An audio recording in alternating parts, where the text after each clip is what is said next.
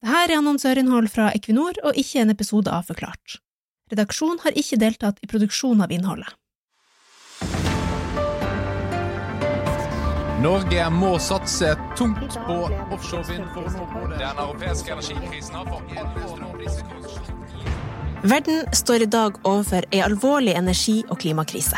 Det skrikes etter mer fornybar energi, og i jakten på energiressurser er det ett område som er større enn alt annet. Havet. 70% av jordas overflate er dekka med hav. Og ute på havet så blåser det. I hvert vindkast er der energi. Og for å fange denne vindenergien så trenger vi vindturbiner. Vindturbiner til havs er ikke nytt. Det står mange av dem utenfor kysten til Danmark, Storbritannia og Nederland. Men her vindturbinene står godt planta fast på havbunnen. Bunnfast havvind det kan ikke brukes ute på dypt hav. Og ute på dypt hav det er der 80% av verdens havvindressurser finnes. Derfor trenger vi flytende havvind.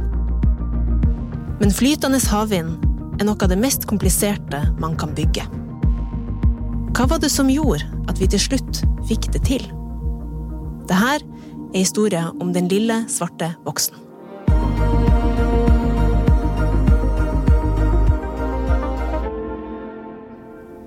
Det er i sommernatt i 2001. Ute på Oslofjorden sitter to ingeniører i Hydro og ser utover havet. Det var i 2001 at eh, jeg var på seiltur. Så tenkte jeg at eh, her, her står det et vindmølletårn. Men hvis jeg hadde klart å lage det 100 meter høyt og sette en vindmølle på toppen og balanserte, så måtte vi kunne klare å lage offshore vindkraft. Så ble vi veldig opptatt av at dette var løsningen jeg tegnet, og vi tok det med videre. Dermed var ideen om flytende havvind født. Men å gå fra idé til å sette opp en faktisk vindturbin, det krever kunnskap, kreativitet og noen som er villig til å bruke penger på noe som kanskje ikke lykkes. I 2003 tar Hydro det første steget. Utgangspunktet var havområdet utenfor olje- og gassplattformen Oseberg. Ei gruppe på tre forskere blir satt sammen for å se om det er mulig å utvikle havvind som kraftforsyning til Osebergfeltet. Finn Gunnar Nilsen, du var en av de her tre forskerne og leda forskningsprosjektet. Hva var det første dere var nødt til å finne ut av? Husker du det? Ja, Utfordringen vi fikk, var jo kan vi levere strøm til Osebergfeltet med energi fra havvind. Og eh, Osebergfeltet er over 100 meter dypt, så vi drev jo og så på all verdens løsninger på hvordan dette kunne løses, men endte jo veldig fort ut med at her må vi ha en, en vindturbin som uh, står på en flytende konstruksjon. Og det var jo en uh, spennende utfordring å ta tak i. Det hadde aldri blitt laga før? Det hadde vært syslet med tanken, men eh, veldig eh, enkelt og ikke noe i dybden, nei. Hadde du i det hele tatt trua den gang på at dette var noe man kom til å finne ut av? Ja, altså De tre av oss som var med fra starten, de hadde vel tro på at vi skulle til sammen med en god designer, en god analyseperson og en litt mer sånn som å regne på, på detaljer, eh, kunne finne ut noe her, og det var en spennende utfordring som vi likte å ta tak i. Så ja, vi hadde tro på at dette skulle vi klare. Men hva er det som gjør flytende havvind så mye mer komplisert enn bunnfast havvind? Ja, det ligger jo akkurat i det at den, den bunnfaste står i ro, og den flytende beveger seg. Og eh, vi så jo ikke med en gang hvilke utfordringer det ville gi. Eh, for det at, den, det at, den, flyter, gjør jo at, at, den beveger seg på alle mulige måter, og, og vindturbinen får hjuling, og konstruksjonen får hjuling, og, og, da fikk vi en del nye utfordringer. Med andre ord, en flytende vindturbin påvirkes kontinuerlig av to bevegelige element, vind og vann. I tillegg så er selve konstruksjonen topptung. Det er det her som gjør flytende havvind til noe av det vanskeligste man kan komme borti innenfor marine konstruksjoner. Den store utfordringa var å finne ut hvordan den flytende vindturbinen skal holde seg stabil. Dersom forskningsgruppa ikke får det til, så vil vindturbinen krenge for mye og stå og vaie. Hva er det som er problemet med at eh, konstruksjonen blir stående sånn og vaie, Finn Gunnar? Ja, altså Problemet er jo at uh, når en stor, tung turbin står på toppen av et vertikalt tårn som står i ro, så, så, står det stødig, og det har ikke så store belastninger. Men når dette begynner å, å svinge i alle retninger, så blir det veldig store utmatningslaster på tårnet. Og, og, eh, det vil kanskje bare holde noen uker istedenfor 30 år, som det helst bør holde. Hva er det som står på spill dersom man ikke klarer å finne en måte å stabilisere denne flytende vindturbinen? Ja, Får man ikke det til, så får man heller ikke dette som et kommersielt prosjekt. Det er ikke mulig å gjøre det. Da vil den uh, havarere. Forskerne vet at nøkkelen til å stabilisere vindturbinen ligger inne i selve turbinen. For inne i vindturbinen er det nemlig en datamaskin. En liten svart boks, ikke større enn en vanlig laptop som gir beskjed til rotorbladene om hvordan de skal justere seg ut ifra styrken og retninga på vind. De her små operasjonene, som sendes via datamaskinen, kalles en kontrollalgoritme. Problemet er at de kontrollalgoritmene som finnes i de eksisterende vindturbinene, ikke vet om det er vind eller turbinen sjøl som beveger på seg. Og det er jo fordi alle turbinene tidligere har stått i ro. Det gjør ikke flytende vindturbiner. Det man trenger, er en helt ny algoritme for flytende havvind.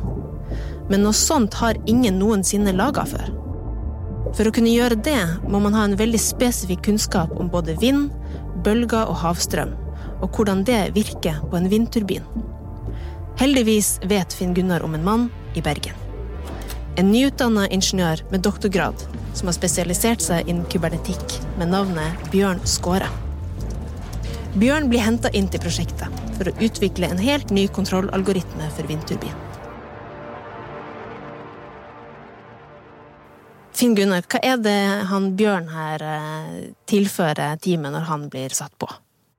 Ja, altså Etter at vi jobbet med eh, disse design og tenkningen omkring hvordan en flytende vindturbin kunne se ut, så så jo vi det at vi trengte inn mer kompetanse på det å kontrollere bevegelsene til turbinen. Og det var den kompetansen Bjørn hadde, og som er så helt avgjørende for at man skal lykkes med en lett konstruksjon, og samtidig, som samtidig ikke beveger seg noe særlig.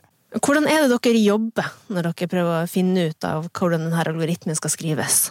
Altså, Vi hadde en samlet kompetanse da på aerodynamikk, på hydrodynamikk, altså om bølger, og konstruksjonsstyrke.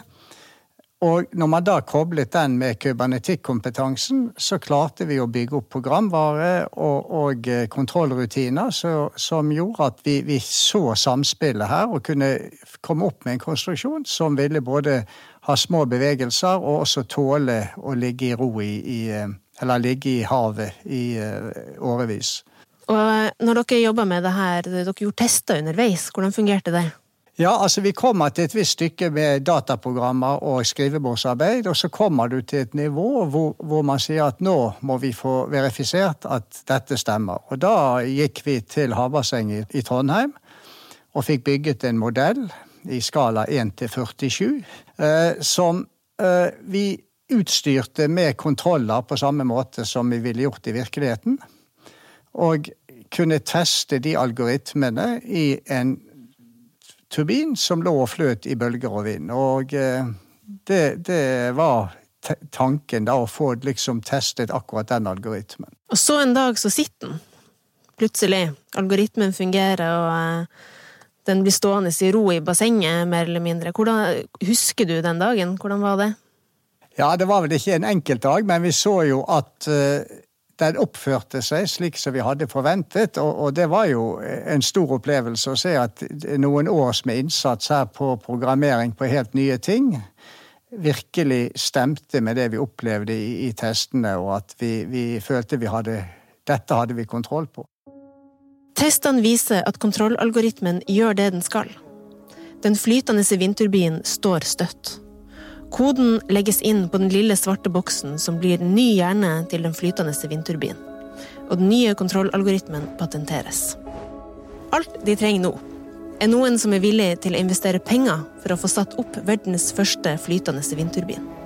Men ingen tør å satse, og det er stor usikkerhet om det noensinne kommer til å bli noe av den flytende vindideen. Prosjektet legges i skuffa inntil videre. Det ingen vet, er at man allerede har dårlig tid. I USA er ei boligboble på vei til å sprekke. Det skal utløse ei finanskrise over hele verden som kommer til å sette en stopper for veldig mange store investeringer. Og flytende havvind er mildt sagt ei svær investering. Skal det bli noe av satsinga, så trenger de noen som er villig til å bruke 400 millioner på å utvikle ei ny energiløsning nå med en gang. Og det er mye penger. Men i 2007, bare ett år før krisa inntreffer, skjer det noe som skal forandre mye. Dette er historien om den viktige koden. Du har nå hørt den første episoden av Den viktige koden. For å høre resten av miniserien kan du gå til podkasten Energinasjon Norge. Den finner du på Spotify eller Apple Podkaster. Du har hørt annonsørinnhold fra Equinor, produsert av Try. Aftenpostens redaksjon har ingen rolle i produksjon.